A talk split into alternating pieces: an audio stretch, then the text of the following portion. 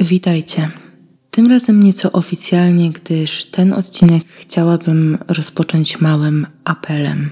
Od jakiegoś czasu ci, którzy są w grupie straszydeł oraz obserwatorzy konta na Instagramie, zapewne zauważyli, że opublikowałam kilka postów dotyczących poszukiwań młodego mężczyzny, Dawida Szustaka.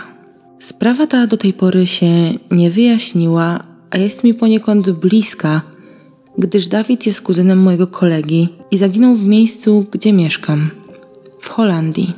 Informacji jest niewiele, ale przytoczę Wam kilka faktów oraz opis zaginionego. Dawid ma 28 lat, pochodzi z województwa świętokrzyskiego, ale od 5 lat mieszka w Holandii. Dokładniej w miejscowości Utrecht. Też tam był widziany po raz ostatni. Niecały miesiąc temu 26 sierpnia 2021 roku był zameldowany w Bastion Hotel Utrecht przy ulicy Mortiliuslan 1. Między godziną 20 a 21 został zauważony przez obsługę. Miał wtedy opuścić budynek.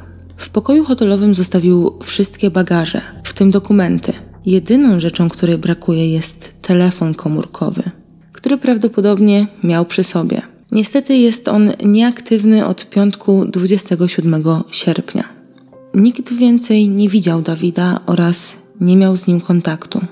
Dawid ma około 1,80 m wzrostu, włosy koloru ciemny blond oraz niebieskie oczy. Jego zdjęcie pojawi się na ekranie. Co ważne, ma wyraźnie opadającą lewą powiekę. Jest normalnej budowy ciała. 26 sierpnia był ubrany w bluzę z napisem Barcelona w kolorze jasnobeżowym. Miał na sobie czarne spodnie marki Adidas oraz ciemne buty Nike. Dawid jest poszukiwany na terenie w tej chwili chyba całej Europy, ale w szczególności poszukiwania te skupiły się w okolicy miejsca zaginięcia. Mężczyznę poszukuje policja, ratownicy wodni, wykorzystano drony, psy tropiące.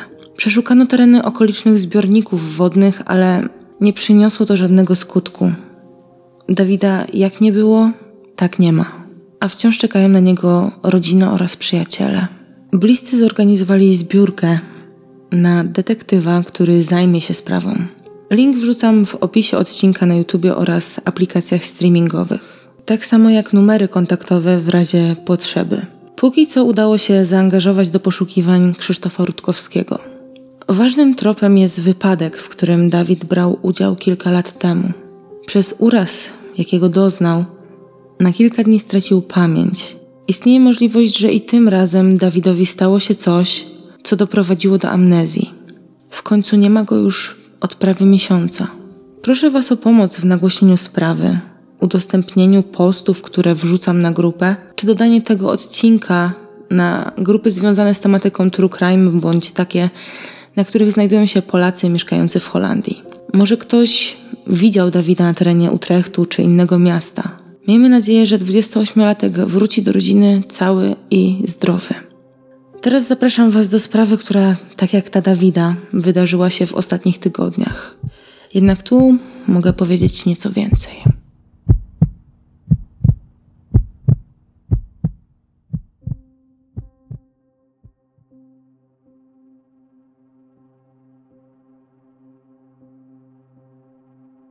Historia, o której opowiem w tym odcinku, jest bardzo świeża i do tej pory nierozwiązana. Chcę ją Wam jednak opowiedzieć, bo może ktoś coś wie, a nawet nie jest tego świadomy. Bliscy kobiety, która spogląda na Was z miniaturki odcinka, wciąż czekają na jakiekolwiek odpowiedzi. W domu czeka córka, która tęskni i chciałaby, aby mama wróciła. Dlatego myślę, że warto nagłośnić ją również tutaj. W związku z tym, że pani Monika Wilgorska-Stanewicz jest wciąż poszukiwana, a teorie o tym, co się wydarzyło, są niepotwierdzone, będę najprawdopodobniej przeplatać czas przeszły z czasem teraźniejszym.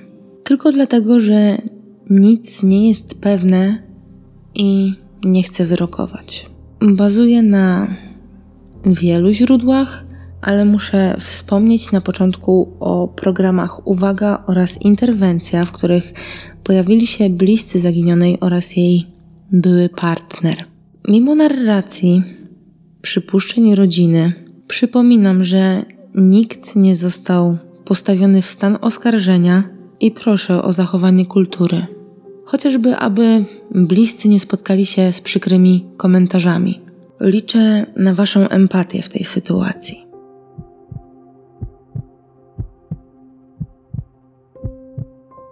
Monika Wigorska-Stanewicz ma 42 lata. To szczupła blondynka o niebieskich oczach.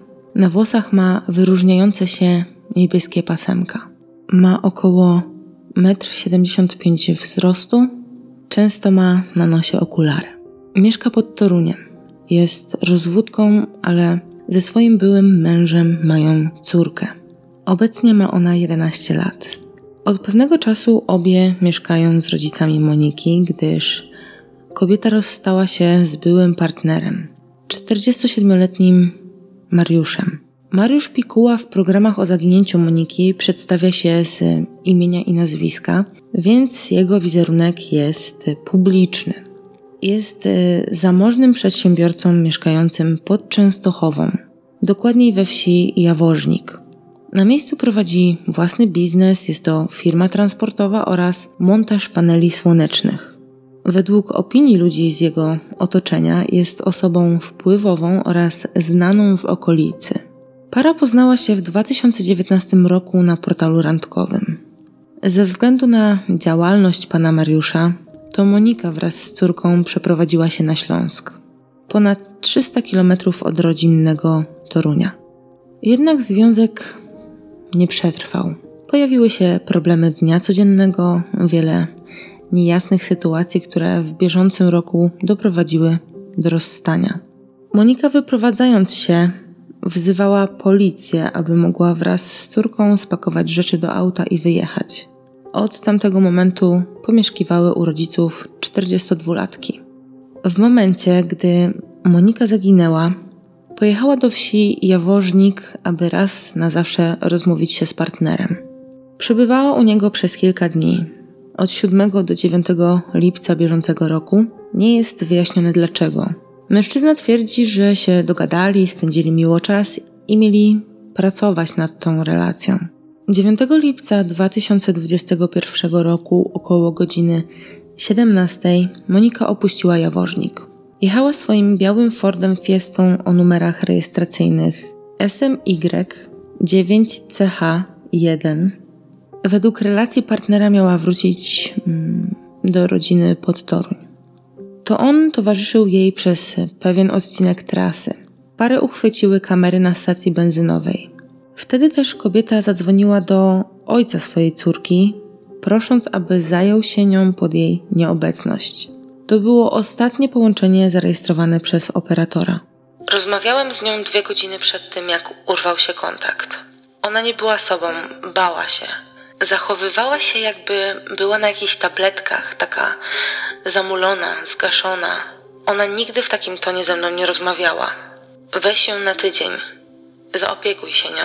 Twierdzi mężczyzna. Według Mariusza Pikuły nie doszło między nimi do kłótni. Jak mówi, zatankował jej samochód i dał pieniądze na kolejne dni. Ze stacji Monika miała go podwieźć w stronę domu i wysadzić po drodze. Około półtorej kilometra wcześniej niż powinna. Podobno też na jego prośbę. Resztę trasy przemierzył na nogach i wspomina, że złapał go wtedy deszcz. Ona się gdzieś spieszyła, co się gnębiło. Leżała na łóżku, Nagle się ubrała, umalowała i powiedziała, że chce pilnie jechać. Nie wiem, czy była z kimś umówiona. Nie wytłumaczyła mi dlaczego. Mówi w materiale uwagi partner kobiety. Tego dnia Monika nie poinformowała rodziny o powrocie do domu. Nie kontaktowała się z nimi w kolejnych dniach, a kiedy oni próbowali to zrobić, jej telefon nie odpowiadał, był wyłączony. Rozpoczęły się poszukiwania. Nurkowie przeszukali łowisko Gorzkowce, Jaworznik, gdzie, jak twierdzi Mariusz Pikuła, Monika go zostawiła. Niestety, jakby rozpłynęła się w powietrzu. Przełom nastąpił pięć dni po zaginięciu. 14 lipca o 5 nad ranem pewien wędkarz dostrzegł w stawie coś nietypowego. Był to samochód. O tym znalezisku szybko poinformował odpowiednie służby. Straż zabezpieczyła miejsce zdarzenia i wyciągnęła go z wody. Jak się okazało, był to biały Ford Fiesta. Łudząco przypominał ten, którym poruszała się Monika Wilgorska-Stanewicz. Jednak pojazd był pozbawiony tablic rejestracyjnych, a ktoś celowo zatarł tabliczki znamionowe. Mimo na pierwszy rzut oka dokładności, ktoś zapomniał o numerze WIN, dzięki czemu powołani eksperci byli w stanie stwierdzić, że znalezisko to to faktycznie samochód zaginionej. Wtedy ruszyło śledztwo w sprawie nieumyślnego spowodowania śmierci. Oczywiste jest to, że w takich wypadkach pierwszymi podejrzanymi są osoby z najbliższego otoczenia współmałżonek czy partner. Rozpoczęły się przesłuchania sąsiadów, którzy rzucali coraz to nowsze spekulacje. Policja musiała zbadać każdy wątek. Przekopano teren należący do Mariusza. Szukano w szambach, na bagnach oraz w stawach. Tam, gdzie ostatni raz rzekomo była widziana oraz tam, gdzie odnaleziono jej Forda. Pojawił się wątek dotyczący zabetonowania ciała na terenie budowy przy ulicy Ściegiennej. Użyto psów tropiących czy georadarów, ale jak się okazało, na budowie nie przystąpiono nawet do wylewki betonu. W tamtej chwili przygotowywano zbrojenie. Pan Mariusz został aresztowany na 48 godzin, jednak śledczym nie udało się postawić go w jakikolwiek stan oskarżenia. Rozważamy każdą ewentualność w tej sprawie. Zatrzymanie miało związek z tym, że to była ostatnia osoba, która miała kontakt z zaginioną. Mężczyzna został przesłuchany, podał wiele szczegółów, które są w trakcie weryfikacji. Nikomu na dziś nie postawiono zarzutów. Mówi prokurator Bereza. Dalsza część tej historii brzmi jak typowe słowo przeciwko słowu. Dlatego zanim kogokolwiek zaczniemy sądzić, przypominam, pani Moniki nadal nie odnaleziono. Chociaż rodzina przeczuwa najgorsze, istnieją procenty szans na to, że kobieta żyje i zniknęła z tylko sobie w tej chwili wiadomych powodów. W sierpniu do redakcji Silesii odezwał się ktoś z otoczenia Moniki. Możliwe, że członek jej rodziny, jednak ze względu na obawy o własne życie, osoba ta prosiła o anonimowość. Według tejże osoby Monika została pozbawiona życia, a za wszystkim stoi jej były partner. Był o nią chorobliwie zazdrosny, a przed zaginięciem kobiety często się kłócili. Miało między nimi dochodzić do rękoczynów, ale o tym za chwilę. Jak wynika z opowieści informatora, we wsi panuje zmowa milczenia. Wywnioskować można, że wmieszani są w nią również jacyś funkcjonariusze, bo podobno strażacy podczas poszukiwań zaginionej mieli być przegonieni, co przyczyniło się do niedokładnego zbadania terenu. Mariusz Pikuła ma mieć szerokie kontakty, stąd wszelkie matactwa, ale to są takie, przypominam, domniemane matactwa. Rodzina Wilgorskiej Stanewicz również rzuca oskarżenia w stronę pana Mariusza. W programach ujawnili zdjęcia pobitej kobiety. Miała je zrobić po jednej z licznych awantur. Zdjęcia te znajdziecie w materiale interwencji, który polecam obejrzeć, bo przedstawia on obie strony tak zwanego medalu. Matka zaginionej wprost mówi, że gdyby były jakiekolwiek dowody przeciwko Mariuszowi, mogłaby nazwać rzeczy po imieniu. Jest pewna, że odebrał on życie jej córce i ukrył ją bardzo dobrze. Może na tyle, że nigdy nie zostanie odnaleziona. Gdyby znalazło się ciało, to byśmy się z tym pogodzili. Odbyłby się pogrzeb i można by było się do niej udać. A tak to nic nie wiadomo. Czasem czekam, aż zadzwoni telefon, ktoś się odezwie, albo ona sama opowie, że się ukryła, bo się czegoś boi. Mówi siostra Moniki. Były mąż również podtrzymuje wersję, że kobieta ewidentnie czegoś się bała. Dowodem, który może obciążyć pana Mariusza, stał się pamiętnik poszukiwanej, który odnalazła jej siostra. Prokuratura przyznaje, że Jest to bardzo ważna poszlaka, a charakter pisma wskazuje na to, że został on zapisany przez 42-latkę. Opisywała tam swoje problemy, kłótnie i znęcanie się nad jej osobą. Wygląda na to, że na krótko przed zaginięciem. Monika napisała w nim, jakimi słowami obrażał ją były partner. Oczywiście mówię Monika, ale póki nie zostanie to potwierdzone w 100%, bierzmy na to poprawkę. Pamiętnik wygląda jak list do oprawcy. Na końcu wymieniono go z imienia i nazwiska. Według specjalistów jest to nietypowy zabieg, jeśli chodzi o ofiary. Rzadko zwracają się do swojego kata bezpośrednio, gdyż się go boją. Tu cytat z pamiętnika. Bywało, że byłeś bliski temu, by mnie zabić. Trzymałeś moją głowę, chcąc skręcić mi kark. Siadałeś na mnie okrakiem i w moim własnym domu dusiłeś mnie. Wylewałeś na mnie piwo. Dostałam ataku lęku, nie mogłam jeść, byłam w szoku, ale to był dopiero początek terroru z twojej strony. Potem robiłeś to regularnie.